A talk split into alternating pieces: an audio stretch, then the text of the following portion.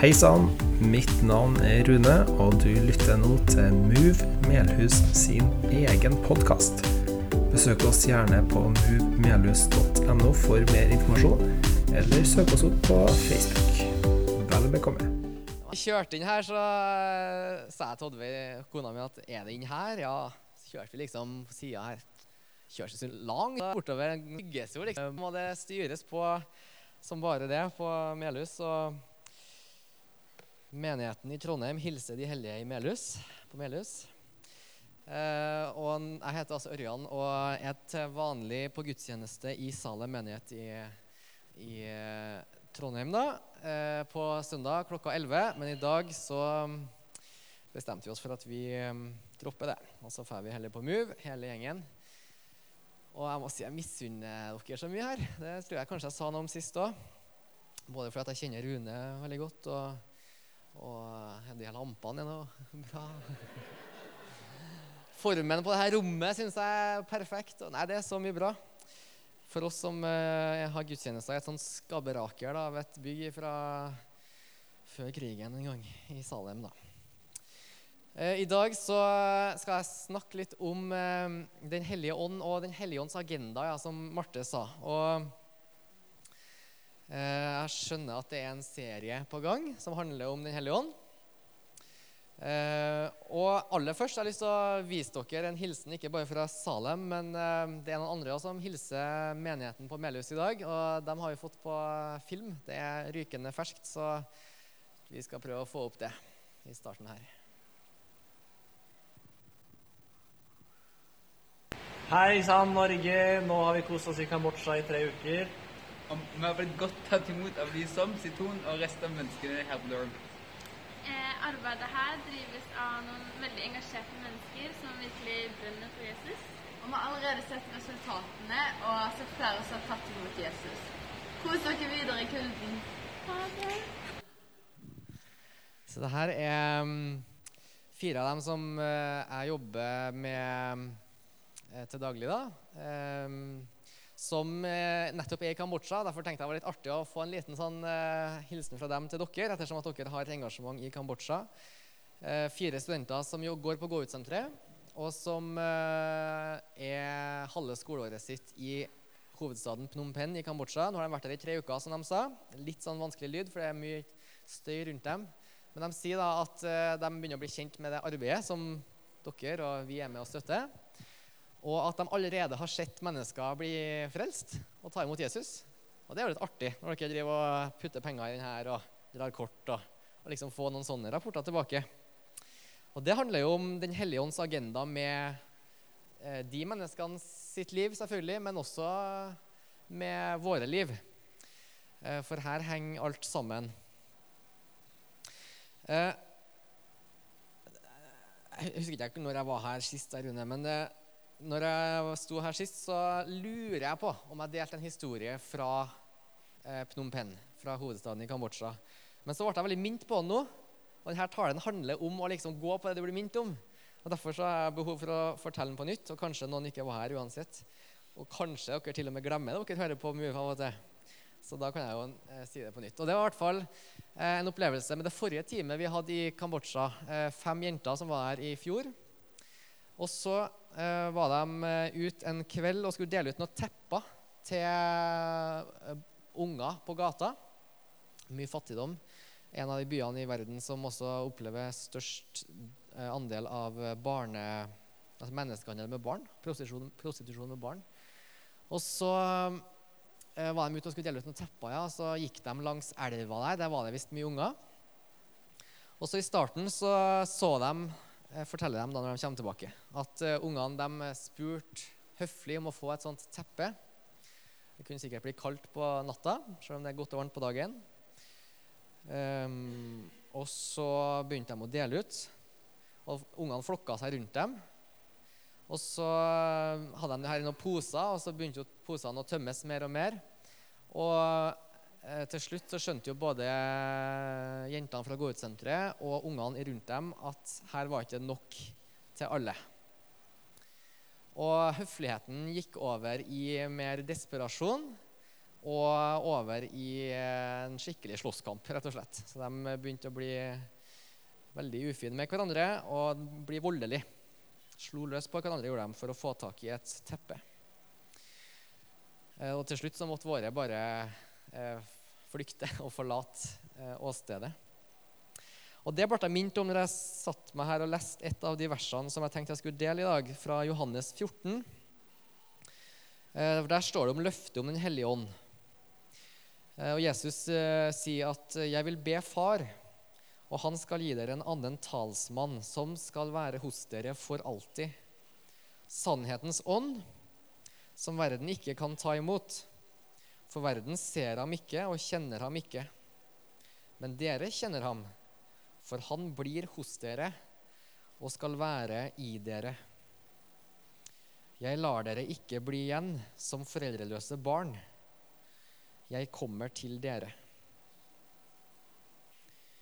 Og Det var nettopp det her siste som gjorde at jeg kom på denne historien. da. Jeg, jeg lar dere ikke bli igjen som foreldreløse barn. Jeg kommer til dere. Eh, på gårdsenteret så jobber vi i andre områder i verden nå, der det er foreldreløse barn. Eh, I Ecuador f.eks., der eh, mange foreldre flytter til USA for å søke lykken. Og der mange unger blir igjen oppe i fjellene i Ecuador, gjerne sammen med noen tanter, onkler eller besteforeldre, men ser ikke foreldrene sine. Eh, og de studentene vi har i Ecuador fra tid til annen, forteller jo om eh, deres behov for omsorg, eh, varme, bekreftelse. Og kanskje er det en annen form for desperasjon da, enn i det tilfellet som jeg fortalte i stad. Men jeg tenker at uh, uh, Gud har sagt at han lar, oss, han lar, ikke oss bli igjen som foreldreløse barn. Jesus uh, var ferdig med sitt virke fysisk til stede på jorda. Og så sier han det her fordi at han skal sende en hellig ånd. Og så lurer jeg på, Hvis jeg ikke hadde hatt en hellig ånd, da tror jeg hadde, hadde jeg kjent på en desperasjon på et vis. Hvis jeg ikke hadde hatt varme tepper eller varme dyner å legge meg i om kvelden, hvis jeg ikke hadde visst hvem foreldrene mine var, hvis jeg ikke hadde kjent Gud, så hadde jeg kanskje kjent mer på det.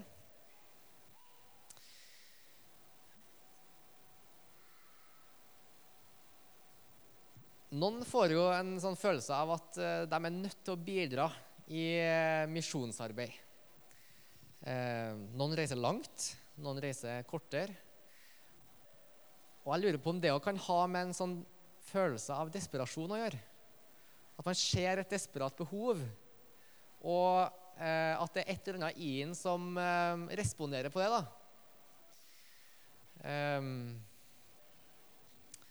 hvis du ikke hadde bodd på Melhus, hadde du flytta til Melhus da? Pga. Move? Ja.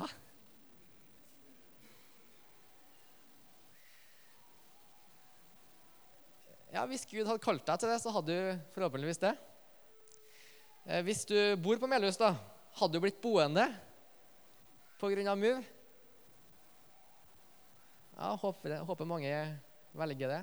Vi er litt i den situasjonen sjøl, eh, vår lille familie. Ingen av oss er fra Trondheim, men vi blir boende. Stadig er folk som spør oss om eh, hva tenker dere, og spesielt ettersom at Oddveig er fra Ålesund, og der er det veldig fint. Så de lurer på om ikke vi liksom skal dit. Og Oddveig snakker jo om det hver gang vi kjører hjem derfra, at det hadde jo vært kjekt å bo der òg. Men vi blir boende fordi at uh, vi har en opplevelse av at, uh, at Gud bruker oss.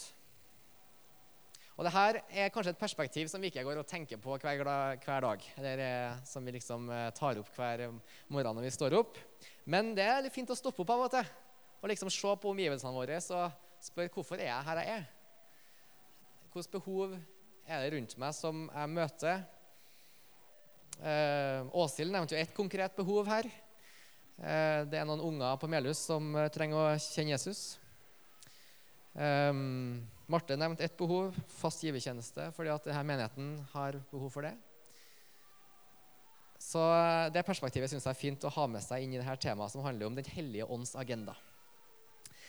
Jeg vet ikke om du har eh, opplevd at en dag som du hadde planlagt, ikke ble sånn som du hadde planlagt den. Men det opplever jeg veldig ofte. Det er nesten hver dag. Og det har litt med at vi er foreldre, og så har det litt med at jeg forholder meg til andre folk i jobb og, og er gift og forskjellige ting som gjør at det ikke blir helt sånn som du hadde tenkt. Og ofte da, så handler det om at jeg ikke sjøl har kommunisert tydelig hva jeg eh, egentlig har tenkt med den dagen her. Dagen i dag har òg vært litt sånn. Jeg visste at jeg skulle hit. Og så har jeg greid å samle to eh, engasjement samtidig i dag, for jeg skal til å besøke eh, Misjonskirka i Trondheim etterpå. Eh, og Det syns jeg er praktisk, men baksida av den medaljen er jo at det blir jo litt å tenke på i løpet av den søndagen. da.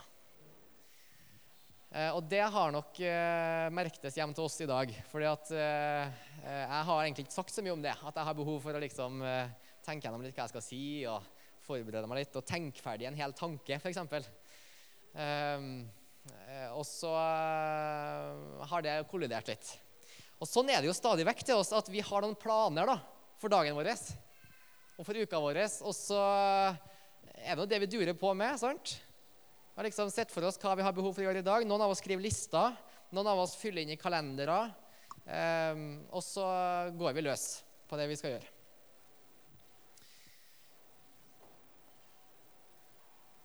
Hvis uh, du får spørsmålet um, Er Den hellige ånd med å sette agenda for hverdagen, så vil dere sikkert svare veldig ulikt.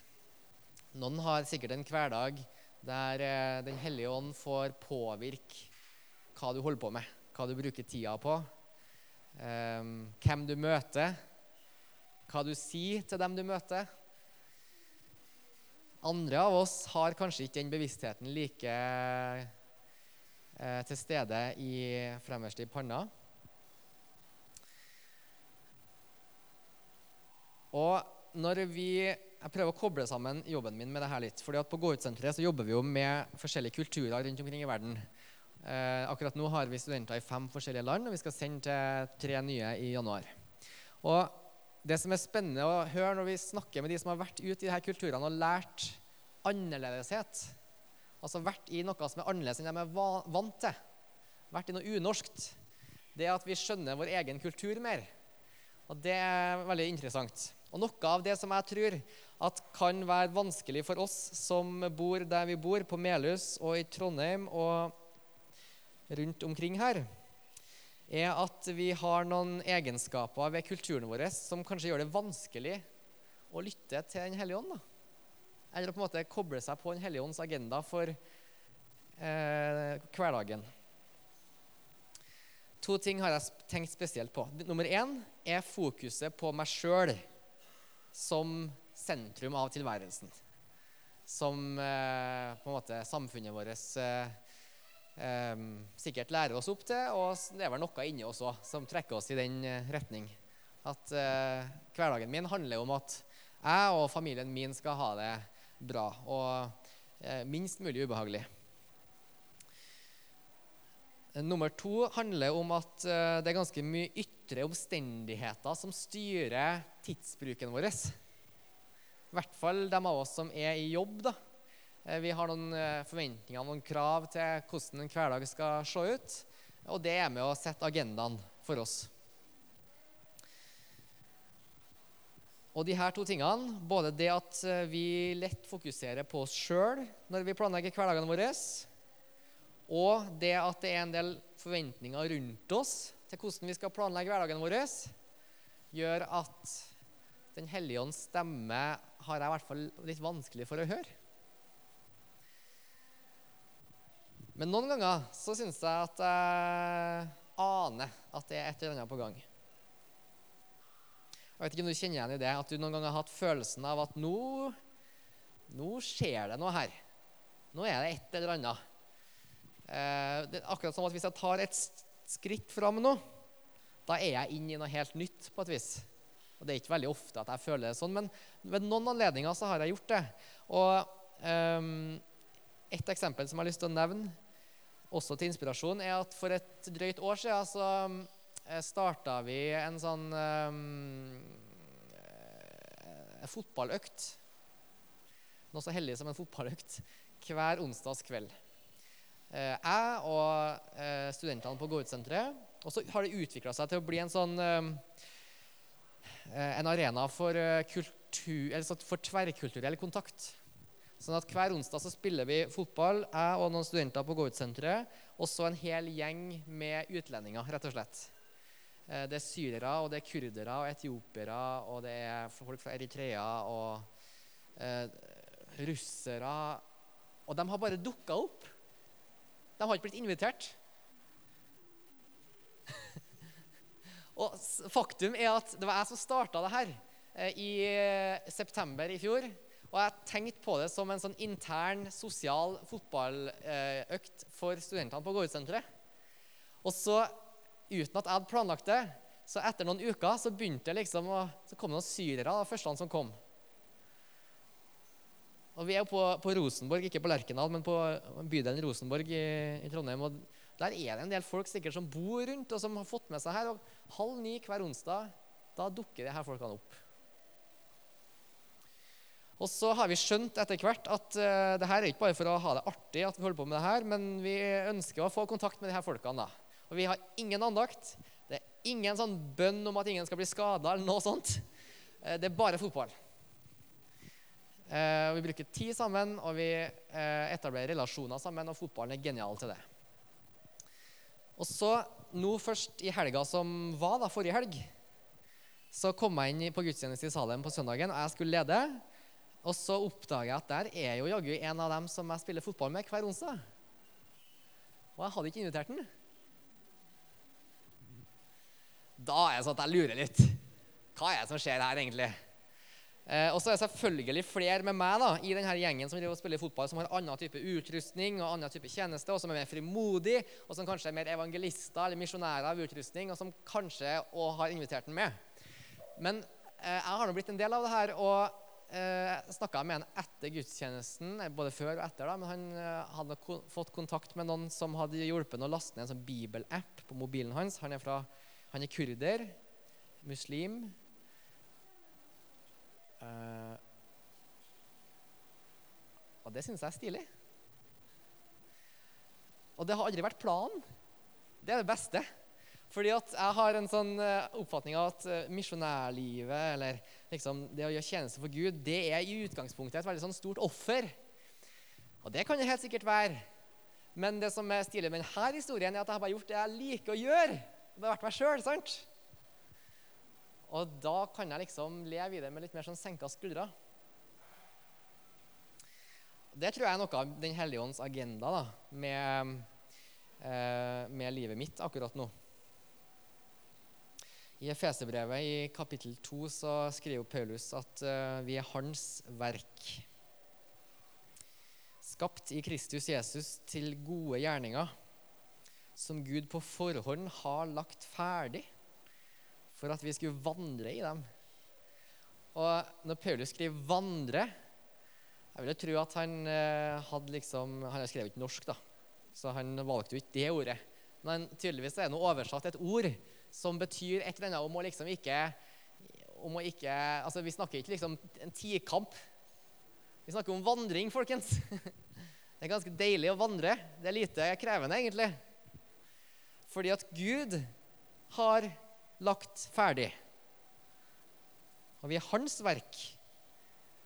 Sånn at vi kan eh, eh, gå inn i gode gjerninger, ferdiglagte gjerninger, som Gud på forhånd har lagt ferdig for at vi skulle vandre i dem. Kanskje er livet ditt sånn at du greier å ha en sånn stille stund eh, en gang i løpet av dagen. Eh, mine besteforeldre for eksempel, eh, hadde alltid det på morgenen. Da var det frokost, og så var det Bibelen og bønn.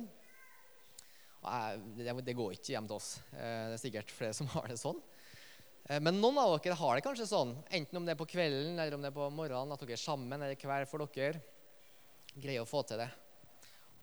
Og det må jo være ett sånn steg for å liksom koble seg på Den hellige ånds agenda for hverdagen.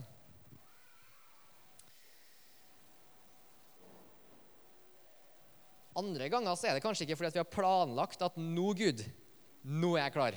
Nå kan du snakke til meg. sant? Men andre ganger så er det kanskje mer spontant. At Den hellige ånd virker på en sånn måte at eh, det bare det bare liksom syr seg inn i det du uansett holder på med. Og For en god del år siden nå så var jeg på gudstjeneste i eh, Salem, da, som jeg brukte lørdag kveld, eh, og dro hjem igjen. Og talen hadde handla om at vi som menigheter ikke bare må være til for oss sjøl, men at vi eh, er til for dem som ennå ikke eh, tror på Jesus. Og så dro jeg hjem. Jeg bodde alene, det var før vi gifta oss. og eh, jeg skulle til å legge meg. Det var rundt midnatt, tenker jeg. Og så fikk jeg en tanke i hodet om at jeg skulle dra tilbake til byen. Eh, og så Da er det sånn at jeg lurer liksom Det kan jo bare være noe jeg har funnet på sjøl. Det er jo typisk sånn som jeg tenker. Uh, men uh, det var lørdagskveld, og jeg skulle sikkert ikke noe på søndagen, så jeg hadde liksom ikke mye å tape. Så da tenkte jeg at ok, da tar jeg på meg klær igjen og så setter jeg meg i bilen og så kjører jeg til byen. Og så hadde jeg vel sikkert eh, lært såpass mye om det å være kristen at jeg ba til Gud da, mens jeg satt i bilen, om at nå, Jesus, må du gi, vise meg eh, noen mennesker som har behov for, en, for, et møte med deg, tror jeg ba. Amen. Eh, nedover Byåsen og til Ila og innover Kongens gata, og der står det jammen meg en mann midt ute i veien og vinker. Og da har jeg nettopp bedt Kjære Gud, nå må du vise meg noen som har behov for å liksom bli møtt av deg. Og der, amen, og der står det en, liksom. så hva gjør jeg da? Kjørt rett forbi. For det er jo det man gjør når folk Altså, jeg greier ikke å stoppe eh, for tilfeldige folk langs veien. Så jeg gjorde faktisk det. Og, så, og det er egentlig for godt til å være sant, men det er sant. her, altså. Og da sa jeg til meg sjøl at nei, hva i verden gjorde jeg nå? Og så tenkte jeg nei, nå må jeg kjøre en runde. Jeg var ikke på vei til noen ting. eneste jeg skulle, var jo å finne folk som Gud hadde behov for å liksom komme i kontakt med. Og så kjørte en liten runde nedover ned til Sandgata og opp til Ila igjen, så jeg kom på nytt da, innover Kongens gata. Ny sjanse. Og der sto han fortsatt. Og jeg stoppa. Eh, og da så jeg også at han hadde med seg en kompis som jeg ikke hadde sett på første runden. Og de to hadde vært på julebord, for det her var i desember. Det var sånn cirka snart nå på året. Og så um, viste det seg at han her som sto uti der og vinka, han var for det første sørpefull. Og for det andre så hadde han veldig behov for å komme seg hjem. Eh, og jeg tenkte at ja, jeg har jo ikke noe annet å gjøre, så jeg sa at ja, jeg kan kjøre deg hjem, sa jeg. Eh, og um, han satte seg inn, og kompisen satte seg òg inn. Han eh, Stakkaren baki og kompisen frami. Han var litt mer eh, fatta. Og så Problemet var bare at ingen av de to visste hvor denne stakkaren bodde. For det er såpass bes, Hva heter det? Påsegla, heter det. Var han i hvert fall. Og så, eh, heldigvis så via telefonen til han her, så fikk han kameraten ringt til en samboer eller noe sånt og funnet adressen. Og det var på Heimdal, så jeg satte meg og kjørte mot Heimdal. Eh, for jeg visste hvor den gata var. Og inn med en, eh, Kameraten var med han, fikk en sikkert til sengs, eller i hvert fall inn. Og så kom han ut igjen. For han skulle tilbake til det her julebordet, da. han her eh, som var med. Og før han satte seg inn i bilen nede i Kongens gata der, så sa han at eh, ja, Han kunne jo vært med og kjørt, men han skal jo tilbake til byen, som han sa. Og da kunne jeg si at ja, men jeg har ingenting jeg skal, så du, jeg kan kjøre deg tilbake. Så det hadde vi liksom avtalt. da. Så kjørte vi nedover eh, E6 til Okstadbakkene og nedover ned mot byen, ned forbi Lerkendal. Og jeg husker spesielt når vi kjørte forbi Lerkendal, så sier han her fremmede personen som jeg har i passasjersetet mitt Hva er du for en type? Som stopper eh, for fremmede folk og kjører dem hjem på natta. Og så sa han en annen ting. Hva er du for en samaritan? sa han. Så tenkte jeg hm, du vet hva en samaritan er? Eh, så spurte jeg hvor har du lært det ordet. er det på søndagsskolen? Eh, ja, det fikk jeg ikke helt svar på, jeg, men i hvert fall så viste det seg at han var i en prosess der han drev og fjerna seg litt fra kirka. Uh, og jeg sa at jeg har vært på gudstjeneste i dag og dro hjem igjen. Fikk en tanke i hodet mens jeg skulle til byen, uh, og, og der sto dere, liksom. Jeg syntes det var interessant. Snakka litt om det, og så kjørte vi inn til byen, satte den av, og han skulle tilbake på det julebordet og fortelle om det som har skjedd. Så det har vært artig å være der, men det fikk ikke jeg med meg, da. Det her skjer ikke hver helg i mitt liv heller. Det er liksom den historien jeg forteller. eh, og så er det andre ting som har skjedd etter det, men det her er den historien i mitt liv som har gjort at jeg har liksom tenkt ja, kanskje er det noe mer i hverdagen min. Kanskje er det sånn at det er ferdiglagte gjerninger. Kanskje er det sånn at Gud um, har en finger med i spillet mer enn det jeg greier å planlegge når jeg setter sammen kalenderen min for eh, en ny dag og en ny uke. Og så bekreftes jo det her litt av bibeltekster som, eh, som eh, tenker at er bra for oss å kjenne litt til. Og Spesielt synes jeg det er fascinerende hvordan Paulus forholder seg til Guds ledelse. Og I første Korinterbrev, i kapittel 16 Dere er sikkert vant til å ha tekster på veggen, og sånn, men det rakk ikke jeg i dag. Så Derfor så får dere høre dem i stedet.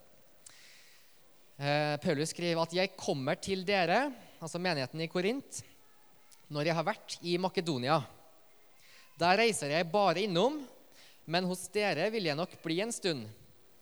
Kanskje vinteren over. Så kan dere utruste meg for tjenesten videre, hvor nå den går. Denne gangen besøker jeg dere ikke bare på gjennomreise. Jeg håper å kunne bli en tid, hvis Herren tillater det. I Efesos blir jeg til pinse, for her er det åpne dører og rike muligheter for meg. Og motstanderne er mange. Og Det er ikke sikkert du fikk med alle detaljene her, det er ikke så viktig. Men det som jeg syns er interessant, det er kanskje vinteren over. Hvis Herren tillater det. Her er det åpne dører. Paulus jeg vet ikke hvor glad han var i å planlegge reiserute. Men det er tydelig at når han planlegger noen ting, f.eks. reiseruta si, så prøver han å lytte til Gud. da. Kanskje jeg blir vinteren over?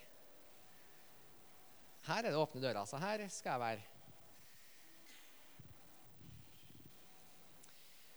Og så i andre korinterbrev så skriver han at da jeg kom til Troas Jeg har rett inn i en historie, da, så det er ikke så viktig akkurat det, men da jeg kom til Troas med Kristi evangelium, hadde Herren alt åpnet en dør for meg. Og Det fascinerer meg, denne egenskapen som Paulus tydeligvis har, da, til å liksom ta med Den hellige ånds agenda inn i planlegginga av livet. Og nå er vel ikke våre eh, liv likt Paulus sitt liv. Og han hadde en annen tjeneste enn det vi har. Men eh, det er noen prinsipper her.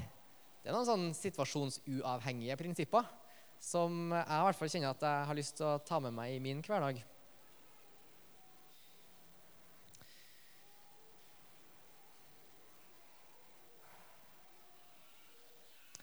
jeg tror egentlig at det oppsummerer mye av det som jeg tror Gud har for oss i dag. Og så tenker jeg at vi kan eh, be bønn om at eh, vi får leve en hverdag som ikke bare avgjøres av forventningene rundt oss til hvordan hverdagen skal se ut, og som ikke bare avgjøres av at jeg sjøl har sånn behov for å være i sentrum av tilværelsen, men at vi kan få koble oss på det som vi har sett glimt av fra Kambodsja her, Guds misjon, det som vi er en del av her, Guds kirke som bygges opp på Melhus. Eh, og at vi kan ta noen beslutninger i hverdagen ut ifra Den hellige ånds agenda, og ikke bare vår egen. Så jeg ber ei bønn, og så kommer vel sikkert noen opp hit etter hvert. Kjære Gud, takk for at du er Gud. Takk for at du er større, at du alltid er større. Og takk for din ånds ledelse. Takk for at du har sagt at du bor i oss som tror på deg. Takk for at uh, du ikke lar oss bli igjen som foreldreløse barn, Takk for at vi slipper å kjenne på den desperasjonen etter noen å høre til. En sånn desperasjon etter eh, mening. Men takk for at vi har både tilhørighet og mening fordi at vi er med på eh, det du gjør. Takk for at vi er ditt verk.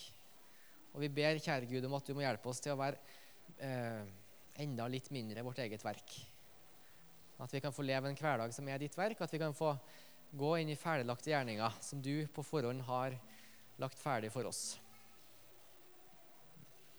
Jeg ber også for eh, det som foregår i kjellerne her nå, der eh, ungene her får bli kjent med deg, Jesus. Vi ber om at du velsigner dem. Alle dem som ikke er her i dag, som er andre plasser rundt omkring.